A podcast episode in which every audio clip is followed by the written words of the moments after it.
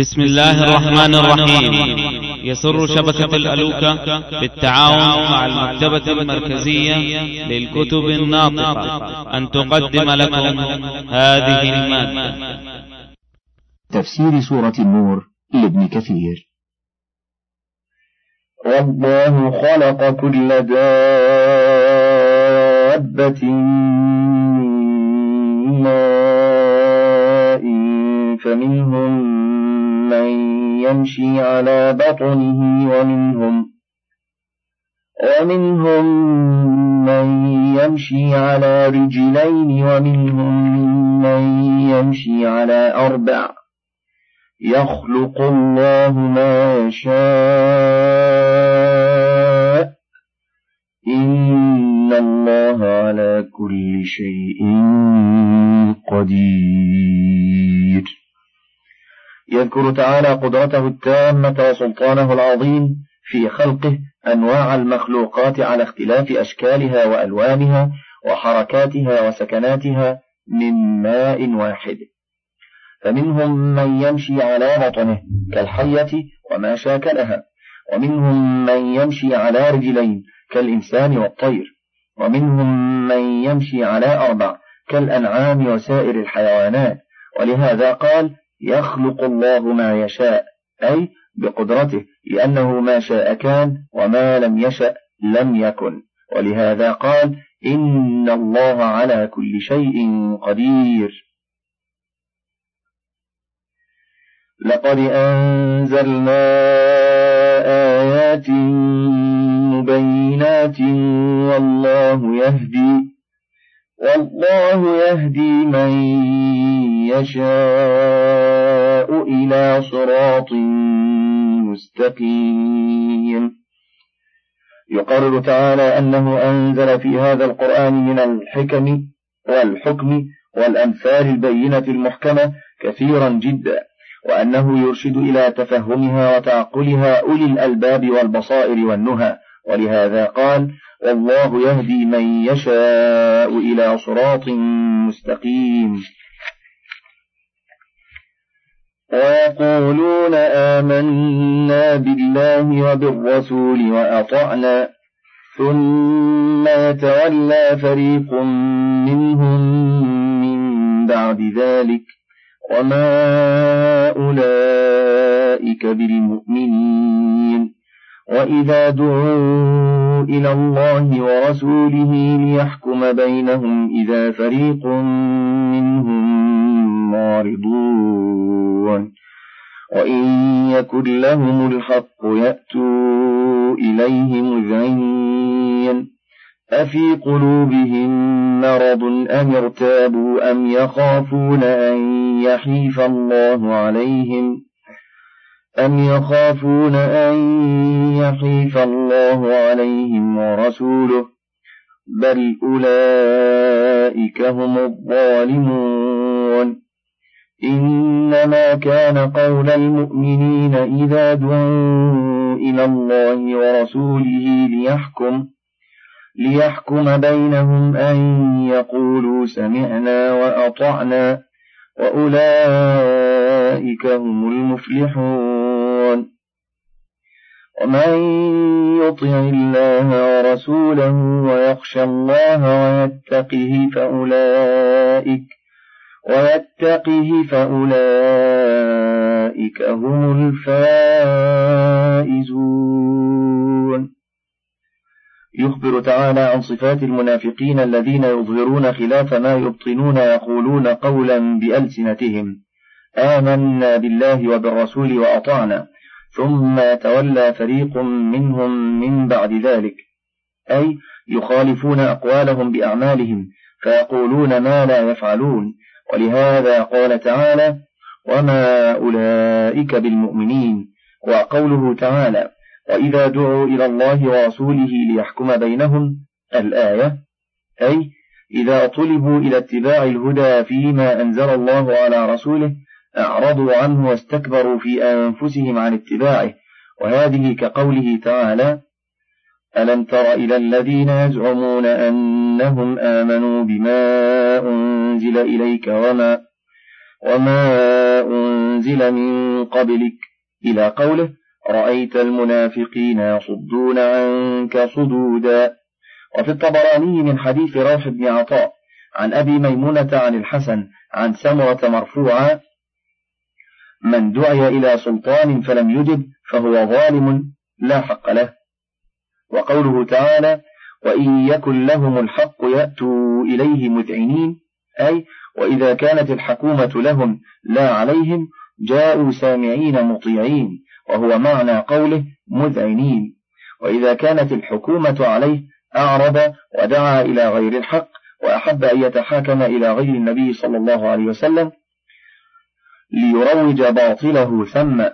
فإذعانه أولا لم يكن على اعتقاد منه أن ذلك هو الحق بل لأنه موافق لهواه ولهذا لما خالف الحق قصده عدل عنه إلى غيره ولهذا قال تعالى أفي قلوبهم مرض الآية يعني لا يخرج أمرهم عن أن يكون في القلوب مرض لازم لها أو قد عرض لها شك في الدين أو يخافون أن يجور الله ورسوله عليهم في الحكم وأيا ما كان فهو كفر محض والله عليم بكل منهم وما هو منطو عليه من هذه الصفات وقوله تعالى بل أولئك هم الظالمون أي بل هم الظالمون الفاجرون والله ورسوله مبرآن مما يظنون ويتوهمون من الحيف والجور تعالى الله ورسوله عن ذلك قال ابن أبي حاتم حدثنا أبي حدثنا موسى بن إسماعيل حدثنا مبارك حدثنا الحسن قال كان الرجل إذا كان بينه وبين الرجل منازعة فدعي إلى النبي صلى الله عليه وسلم وهو محق أذعن وعلم أن النبي صلى الله عليه وسلم سيقضي له بالحق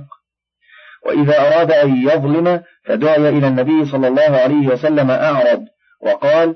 انطلق إلى فلان فأنزل الله هذه الآية فقال النبي صلى الله عليه وسلم من كان بينه وبين أخيه شيء فدعي إلى حكم من حكام المسلمين فأبى أن يجيب فدعي إلى حكم من حكام المسلمين فأبى أن يجيب فهو ظالم لا حق له وهذا حديث غريب وهو مرسل ثم أخبر تعالى عن صفة المؤمنين المستجيبين لله ولرسوله الذين لا يبغون دينا سوى كتاب الله وسنة رسوله فقال إنما كان إنما كان قول المؤمنين إذا دعوا إلى الله ورسوله ليحكم بينهم أن يقولوا سمعنا وأطعنا أي سمعا وطاعة ولهذا وصفهم تعالى بالفلاح وهو نيل المطلوب والسلامة من المرهوب فقال تعالى وأولئك هم المفلحون وقال قتادة في هذه الآية أن يقولوا سمعنا وأطعنا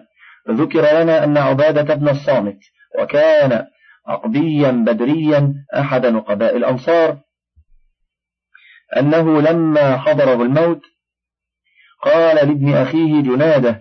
ابن أبي أمية ألا أنبئك بماذا عليك وبماذا لك قال بلى قال فإن عليك السمع والطاعة في عسرك ويسرك ومنشطك ومكرهك وأثرة عليك وعليك أن تقيم لسانك بالعدل وألا تنازع الأمر أهله إلا أن يأمروك بمعصية الله بواحا فما أمرت به من شيء يخالف كتاب الله فاتبع كتاب الله وقال قتادة ذكر لنا أن أبا الدرداء قال لا إسلام إلا بطاعة الله ولا خير إلا في جماعة والنصيحة لله ولرسوله وللخليفة وللمؤمنين عامة قال وقد ذكر لنا أن عمر بن الخطاب رضي الله عنه كان يقول عروة الإسلام شهادة أن لا إله إلا الله وإقام الصلاة وإيتاء الزكاة والطاعة لمن ولاه الله أمر المسلمين رواه ابن أبي حاتم والأحاديث والآثار في وجوب الطاعة لكتاب الله وسنة رسوله وللخلفاء الراشدين والأئمة إذا أمروا بطاعة الله أكثر من أن تحصر في هذا المكان وقوله ومن يطع الله ورسوله قال قتاده يطع الله ورسوله فيما أمره به وترك ما نهواه عنه ويخشى الله فيما مضى من ذنوبه ويتقه فيما يستقبل وقوله فأولئك هم الفائزون يعني الذين فازوا بكل خير وأمنوا من كل شر في الدنيا والآخرة وأقسموا بالله جهد أيمانهم لئن أمرتهم ليخرجن قل لا تقسموا قل لا تقسموا طاعة معروفة إن الله خبير بما تعملون قل أطيعوا الله وأطيعوا الرسول فإن تولوا فإنما عليه ما حمل فإنما عليه ما حمل وعليكم ما حملتم وإن تطيعوه وإن تطيعوه تهتدوا وما على الرسول إلا البلاغ المبين يقول تعالى مخبرا عن أهل النفاق الذين كانوا يحلفون للرسول صلى الله عليه وسلم لئن أمرتهم بالخروج في الغزو لا يخرجن قال الله تعالى قل لا تقسموا أي لا تحلفوا وقوله طاعة معروفة قيل معناه طاعتكم طاعة معروفة أي قد علم طاعتكم إنما هي قول لا فعل معه وكلما حلفتم كذبتم كما قال تعالى يحلفون لكم لترضوا عنهم الآية وقال تعالى اتخذوا أيمانهم جنة الآية فهم من سجيتهم الكذب حتى فيما يختارونه كما قال تعالى ألم تر إلى الذين نافقوا يقولون لإخوانهم الذين كفروا من أهل الكتاب لئن أخرجتم لنخرجن معكم ولا نطيع فيكم أحدا أبدا وإن قوتلتم لننصرنكم والله يشهد إنهم لكاذبون لئن أخرجوا لا يخرجون معهم ولئن قوتلوا لا ينصرونهم ولئن نصروهم ليولن الأدبار ثم لا ينصرون وقيل المعنى في قوله طاعة معروفة أي ليكن أمركم طاعة معروفة أي بالمعروف من غير حلف ولا إقسام كما يطيع الله ورسوله كما يطيع الله ورسوله المؤمنون بغير حلف فكونوا أنتم مثلهم إن الله خبير بما تعملون أي هو خبير بكم وبمن يطيع ممن يعصي فالحلف وإظهار الطاعة والباطن بخلافه وإن راج على المخلوق فالخالق تعالى يعلم السر وأخفى ولا يروج عليه شيء من التدليس بل هو خبير بضمائر عباده وإن أظهروا خلافها ثم قال تعالى قل أطيعوا الله وأطيعوا الرسول أي اتبعوا كتاب الله وسنة رسوله وقوله تعالى فإن تولوا أي تتولوا عنه وتتركوا ما جاءكم به فإنما عليه ما حمل أي إبلاغ الرسالة وأداء الأمانة وعليكم ما حملتم أي بقبول ذلك وتعظيمه والقيام بمقتضاه وإن تطيعوه تهتدوا وذلك لأنه يدعو إلى صراط مستقيم صراط الله الذي له ما في السماوات وما في الأرض الآية وقوله تعالى وما على الرسول إلا البلاغ المبين كقوله تعالى فإنما عليك البلاغ وعلينا الحساب وقوله فذكر إنما أنت مذكر لست عليهم بمسيطر قال وهب بن منبه أوحى الله إلى نبي من أنبياء بني إسرائيل يقال له شعياء أن قم في بني إسرائيل فإني سأطلق لسانك بوحي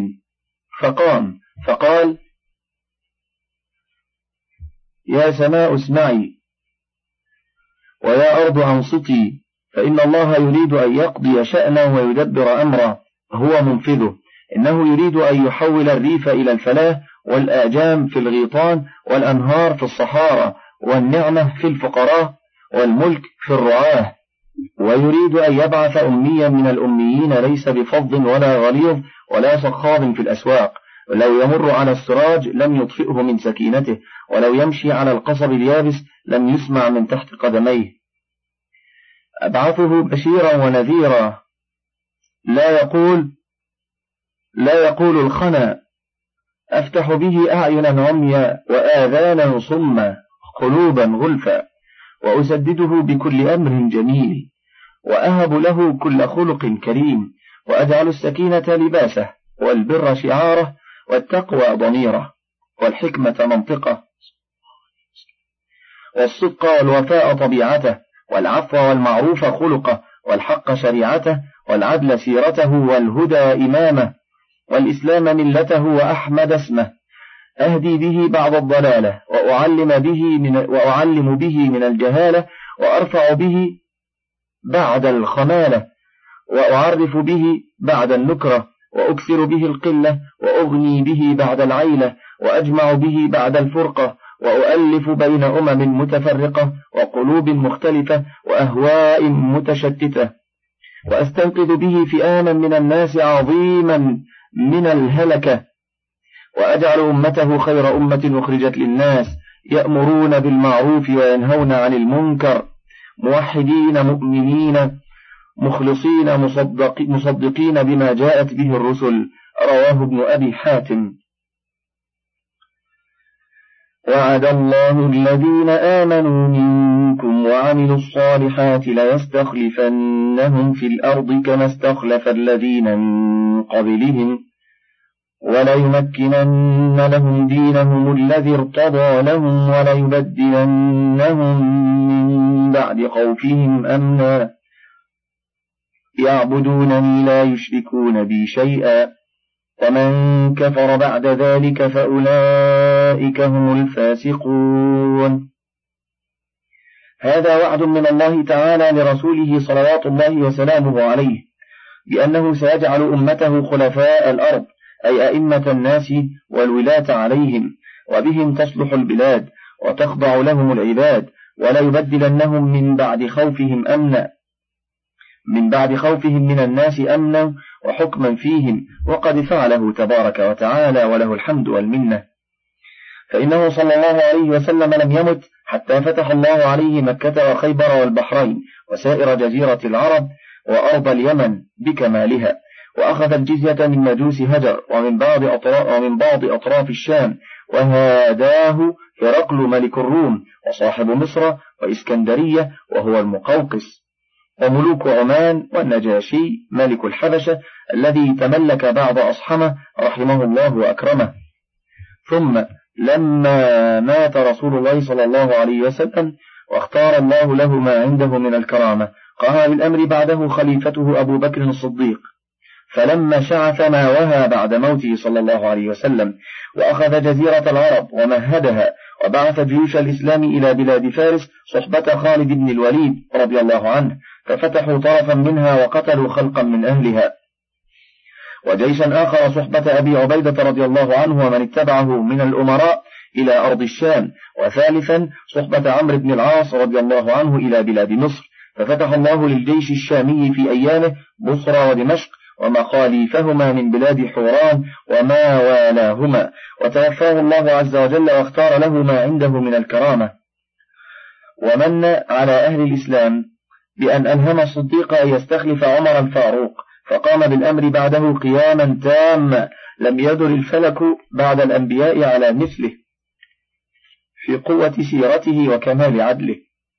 وتم في أيامه فتح البلاد الشامية بكمالها وديار مصر إلى آخرها وأكثر إقليم فارس وكسر كسرى وأهانه راية الهوان وتقهقر إلى أقصى مملكته وقصى قيصر وانتزع يده من عن بلاد الشام وانحضر إلى القسطنطينية وأنفق أموالهما في سبيل الله كما أخبر بذلك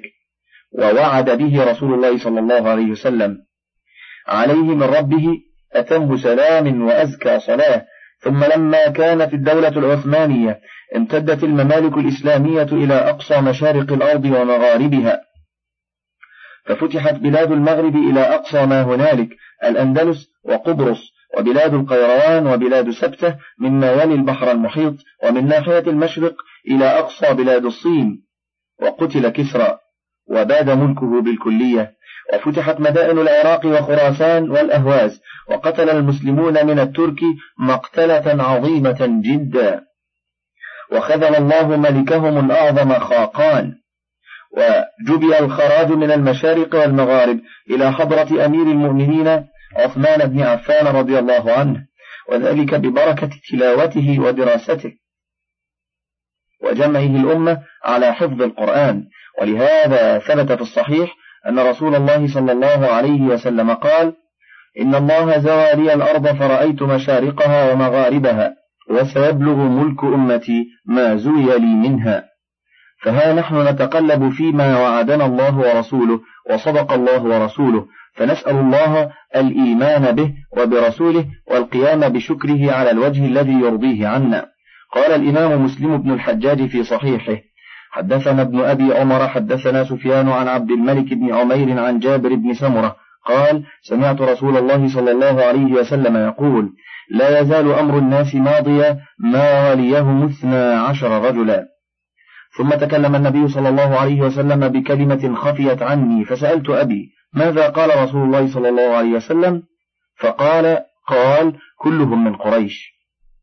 ورواه البخاري من حديث شعبة عن عبد الملك بن عمير به وفي رواية لمسلم أنه قال ذلك عشية رجم ماعز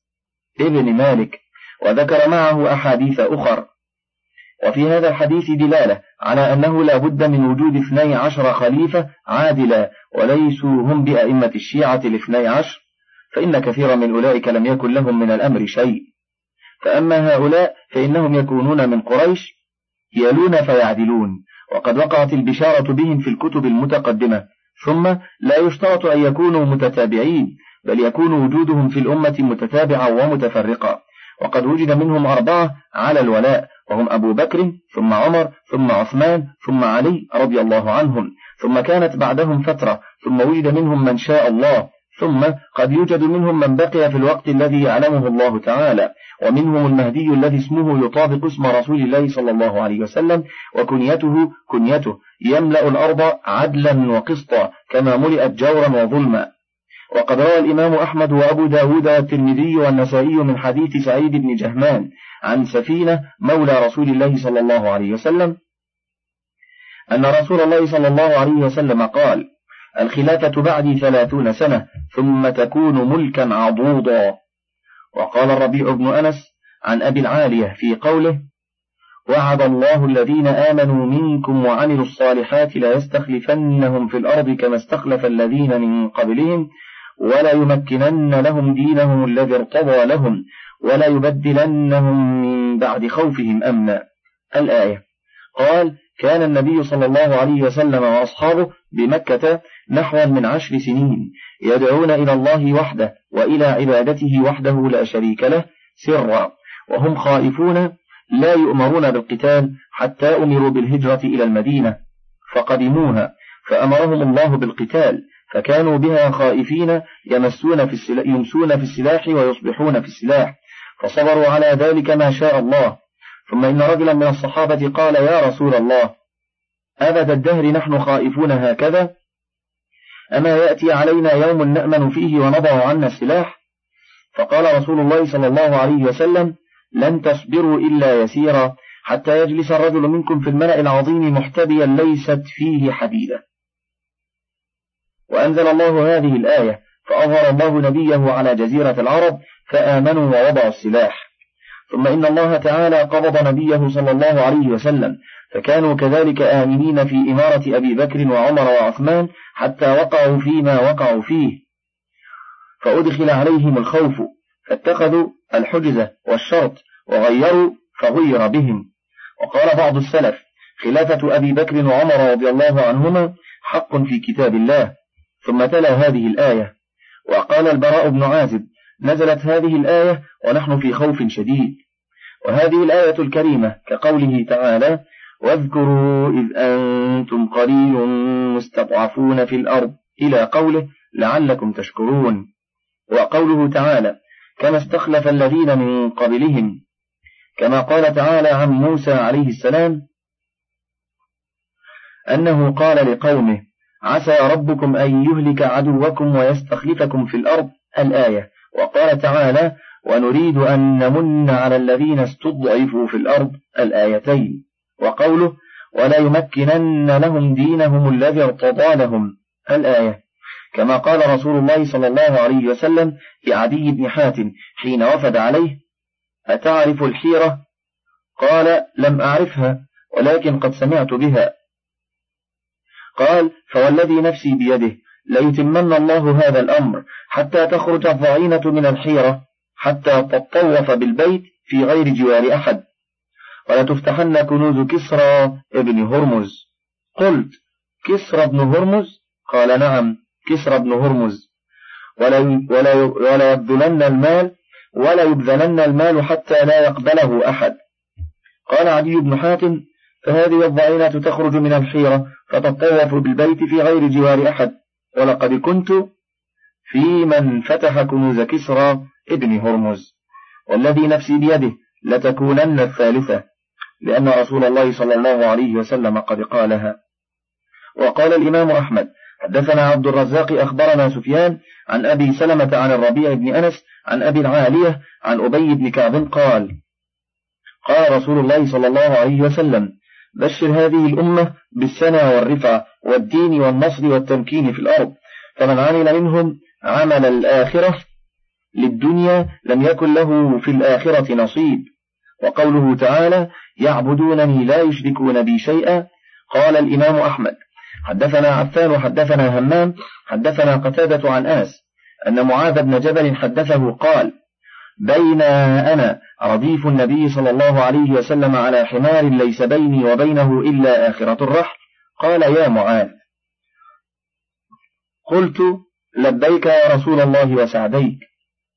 قال ثم سار ساعة ثم قال يا معاذ بن جبل قلت لبيك يا رسول الله وسعديك ثم سار ساعة ثم قال يا معاذ بن جبل قلت لبيك يا رسول الله وسعديك قال هل تدري ما حق الله على العباد قلت الله ورسوله أعلم قال حق الله على العباد أن يعبدوه ولا يشركوا به شيئا قال ثم سار ساعة ثم قال يا معاذ بن جبل قلت لبيك يا رسول الله وسعديك قال فهل تدري ما حق العباد على الله إذا فعلوا ذلك قال قلت الله ورسوله أعلم قال فإن حق العباد على الله ألا يعذبهم أخرجه في الصحيحين من حديث قتادة وقوله تعالى ومن كفر بعد ذلك فأولئك هم الفاسقون أي فمن خرج عن طاعتي بعد ذلك فقد خرج عن أمر ربه وكفى بذلك ذنبا عظيما فالصحابة رضي الله عنهم لما كانوا أقوام الناس بعد النبي صلى الله عليه وسلم بأوامر الله عز وجل وأطوعهم لله كان نصرهم بحسبهم أظهروا كلمة الله في المشارق والمغارب وأيدهم تأييدا عظيما وحكموا في سائر العباد والبلاد ولما قصر الناس بعدهم في بعض الأوامر نقص ظهورهم بحسبهم ولكن قد ثبت في الصحيحين من غير وجه عن رسول الله صلى الله عليه وسلم أنه قال لا تزال طائفة من أمتي ظاهرين على الحق لا يضرهم من خذلهم ولا من خالفهم إلى يوم القيامة وفي رواية حتى يأتي أمر الله وهم على ذلك وفي رواية حتى يقاتل الدجال وفي رواية حتى ينزل عيسى بن مريم وهم ظاهرون وكل هذه الروايات صحيحة ولا تعارض بينها وأقيموا الصلاة وآتوا الزكاة وأطيعوا الله وأطيعوا الرسول لعلكم ترحمون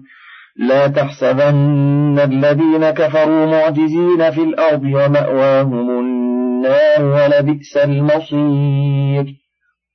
يقول تعالى آمرا عباده المؤمنين بإقامة الصلاة وهي عبادة الله وحده لا شريك له وإيتاء الزكاة وهي الإحسان إلى المخلوقين ضعفائهم وفقرائهم وأن يكونوا في ذلك مطيعين لرسول الله صلى الله عليه وسلم أي سالكين وراءه فيما به أمرهم وترك ما عنه زجرهم لعل الله يرحمهم بذلك ولا شك أن من فعل هذا أن الله سيرحمهم كما قال تعالى في الآية الأخرى أولئك سيرحمهم الله وقوله تعالى لا تحسبن أي لا تظن يا محمد أن الذين كفروا أي خالفوك وكذبوك معجزين في الأرض أي لا يعجزون الله بل الله قادر عليهم وسيعذبهم على ذلك أشد العذاب ولهذا قال تعالى ومأواهم أي في الدار الآخرة النار ولبئس المصير أي بئس المآل مآل الكافرين وبئس القرار وبئس المهاد من فضلك تابع بقية المادة